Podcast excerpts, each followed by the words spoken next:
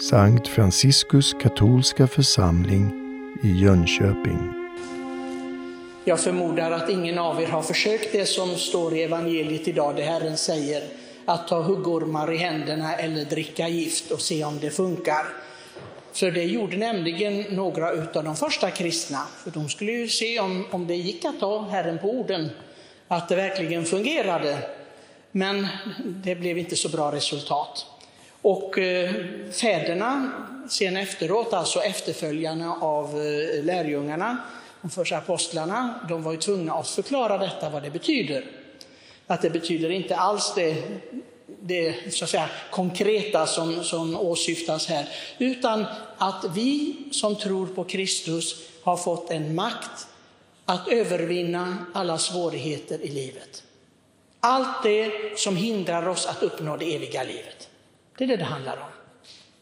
Det finns mycket gift här i livet. Det finns mycket som är farligt och skadligt för oss. Men vi har den kapaciteten om vi bara använder den. Och många gånger är det väl så att vi har talenter och vi har gåvor som vi har fått av Herren, men vi använder dem inte riktigt. Och då blir vi så att säga, ett, ja det blir ett fattigare liv, men det är också risken att vi i det andliga blir nedbrutna på ett eller annat sätt. Åtminstone inte har den fulla kapacitet som vi skulle kunna ha. För den här gåvan har vi fått, Herren är mycket uttrycklig på den. Vi har som sagt, den kraften, den makten att besegra det onda. Det har vi fått i hans namn. Idag som ni ser så bär jag inte en bild med Jesus som som blir upptagen, som går upp till himlen, utan det är en Maria med sak, det är Fatima med saken. Därför att det idag är vår fru av Fatima, 13 maj. En mycket viktig dag. Och det är idag också 40 år sedan den helige Johannes Paulus II blev skjuten på Petersplatsen. Det var just den 13 maj, Fatimadagen, 40 år sedan. Fatimabudskapet det hör mycket väl ihop med dagens läsningar. Många anser att det handlar om så att säga prospekt vad som ska hända, profetier om liksom katastrofer och andra spännande saker som ska hända i framtiden när tiden tar slut etc. Men det gör det inte alls. Det är inte alls det som Fatima handlar om. Utan Guds moder, vi vet, hon får, som kyrkan säger, tillåtelse av Gud själv, eller uppdrag av Gud, att hjälpa till att förstå evangeliet lite bättre, för ibland glömmer vi. Och som den goda moder hon är så kan hon påminna oss om vad det handlar om. Och det gjorde hon också i Fatima för dessa tre barn. Och de tre barnen, de tog det på allvar. Två av dem helgonförklarade. helgonförklarade. Den lilla Jacinta, särskilt tioårig, som fick se visionen om vad som skulle hända i kyrkan, förföljelser och svårigheter. Hon tog det till sitt hjärta omedelbart och gjorde någonting av det. Och det är det som Fatima handlar om, att det var och en av oss gör, det har en betydelse. Det är klart, har du ingen tro, då, då, tror du inte på det. Då tror du inte att det finns något samband. Vad kan det finnas för samband med, det, med en vision 1917 och det som hände långt senare på Petersplatsen med Johannes Paulus II? Men Johannes Paulus II, han ville omedelbart efter sin konvalescens åka till Fatima och tacka lilla Lucia, denna lilla flicka. Han var helt övertygad om att det var hon som hade räddat honom hennes offer och förböner. För när hon fick se den här synen som Maria gav så sa hon, stackars den helige fadern, stackars den helige fadern. Jag måste offra och be för honom. För Maria hade ju lärt barnen att det ni gör det är inte meningslöst. Och en sån liten sak som vi kanske tycker är banalt, som lilla eh, Jacinta, hon, det var varmt, det var sommar, och hon brydde sig inte om att dricka vatten just en lång tid, för, trots att föräldrarna ville det. Hon, hon var helt övertygad om att detta har en betydelse. Denna uppoffring har en betydelse. Och hennes böner, när hon bad de här bönerna om och om igen, som Guds moder Maria hade lärt dem och ängeln hade lärt dem. Och hon, hon var övertygad om, lilla Jacinta, men Gud tar emot det, för jag tror på detta. Och jag kan göra något, det är det som Guds moder har lärt mig. Och Johannes Paulus den andre, den store påve, kom till Fatima och tackade henne och fick också saligförklarad, Nu är hon också helgonförklarad tillsammans med sin bror Francisco. Francisco han gick till kyrkan och ville trösta Herren. Han såg att Herren var övergiven. Han såg att många kyrkor var tomma.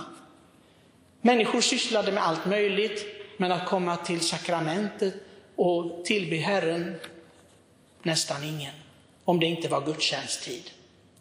Och han sa, jag ska trösta Herren. Båda två, dessa barn, som hade förstått tydligt och klart vad det handlade om, helgonförklarade. Det handlar om så att, säga, att ta hand om våra liv så att vi verkligen visar att vi längtar till himlen. Det är det som Kristi himmelsfärdsdag handlar om. Det är inte bara någonting vi beundrar. Ja, ja, vår Herre och Frälsare kom till himlen. Han kom tillbaka till sin boning på sidan hos sin fader. Men vi då? Och vi då? Vad är vi? Jag brukar påminna om det vi säger i prefationen och jag snart ska uttala i mässan. Upplyft era hjärtan. Och församlingen svarar med glädje. Vi har upplyft dem till Herren. Så kanske man sitter och tänker, vad ska vi äta idag då till lunch? Mm. Vad ska vi göra nu efter mässan? Det är mycket upplyftande till Herren, så att säga. Det går inte riktigt ihop jämt. Men hela livet då? Det, det är ju en, det är en process för hela livet, detta att upplyfta våra hjärtan, att vi verkligen har en längtan efter himlen. Det finns många kristna som gräver ner sig i allt möjligt i livet. Vad som händer och inte händer, de är besvikna och ledsna och jag vet inte vad.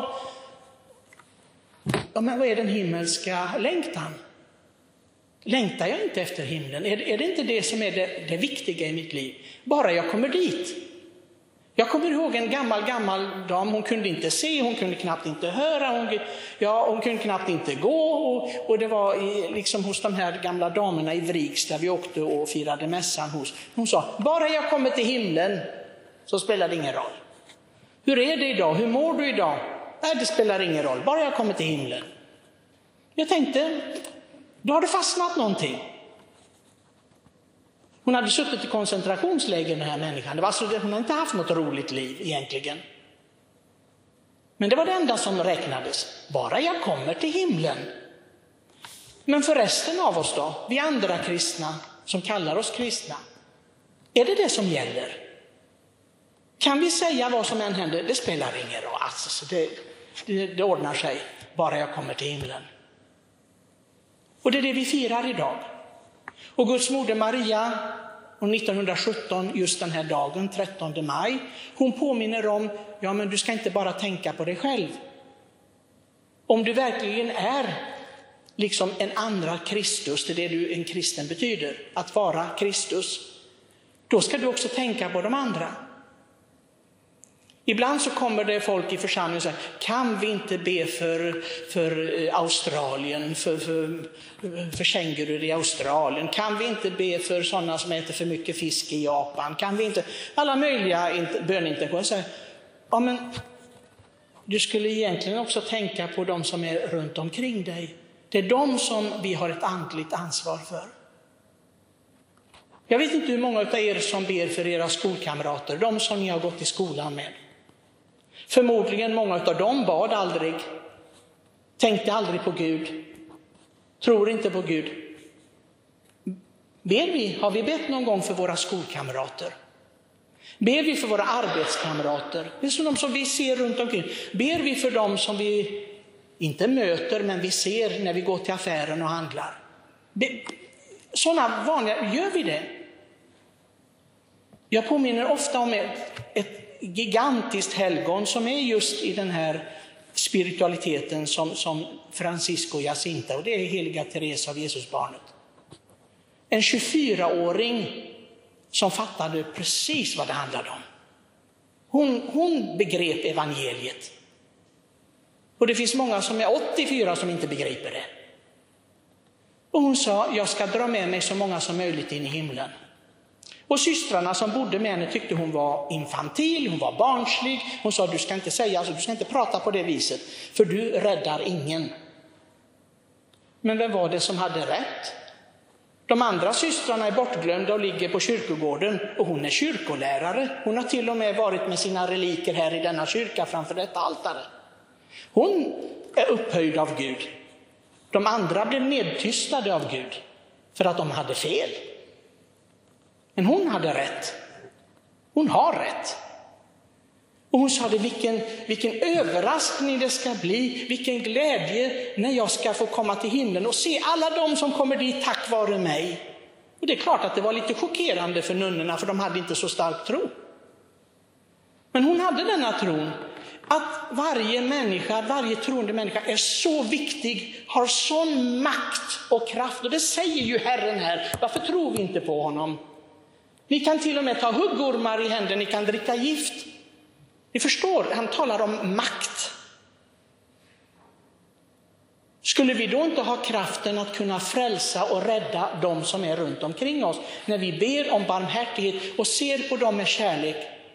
När vi går in på, på Willys där eller Ica eller vad vi nu går och handlar och säger Herre, låt inte en enda av dessa människor gå förlorade. För ditt dyrbara blods skull, låt det inte bli liksom utgjutet förgäves för dessa människor. Rädda dem, Herre. Och särskilt de som jag har svårt med i mitt liv. Det är många vi har svårt med kanske. Och så. Särskilt skulle vi be för dem. Särskilt. För att visa för oss själva, inte bevisa för någon annan eller för Gud, för Gud vet vad vi går för.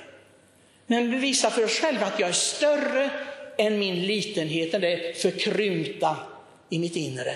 Mitt pyttelilla hjärta som inte har det rummet som det borde ha för alla människor. Då blir det någonting, då händer det någonting. Och det är det vi vill det ska göra, inte bara vi sitter där och degar som annan potatissäck och så blir det ingenting av det. Vi har sån makt. Och tänk då att komma fram när vi avslutat vårt liv här på jorden och Herren säger, ja, men vad är alla de andra som du skulle ta med dig då? Vad är de? Och du tänker liksom, tänk vad jag hade kunnat göra på jorden. Tänk så många jag hade kunnat offra min tandvärk och min huvudvärk och ont i foten och, och, och, allt som har gått galet i livet. Tänk vad jag hade kunnat bära fram detta till Herren, förenade med Herrens lidande medan jag var där på jorden. Men det gjorde jag inte. Det finns några mystiker som sa att änglarna de avundas oss två saker. Jag tyckte det var konstigt. Kan de ha avund, änglar? Men de fastslår att änglarna avundas oss två saker. Det ena är att få ta emot kommunionen. Att de aldrig kan få ta Kristus i sig, Guds son som vi. Och det andra, att de kan inte lida.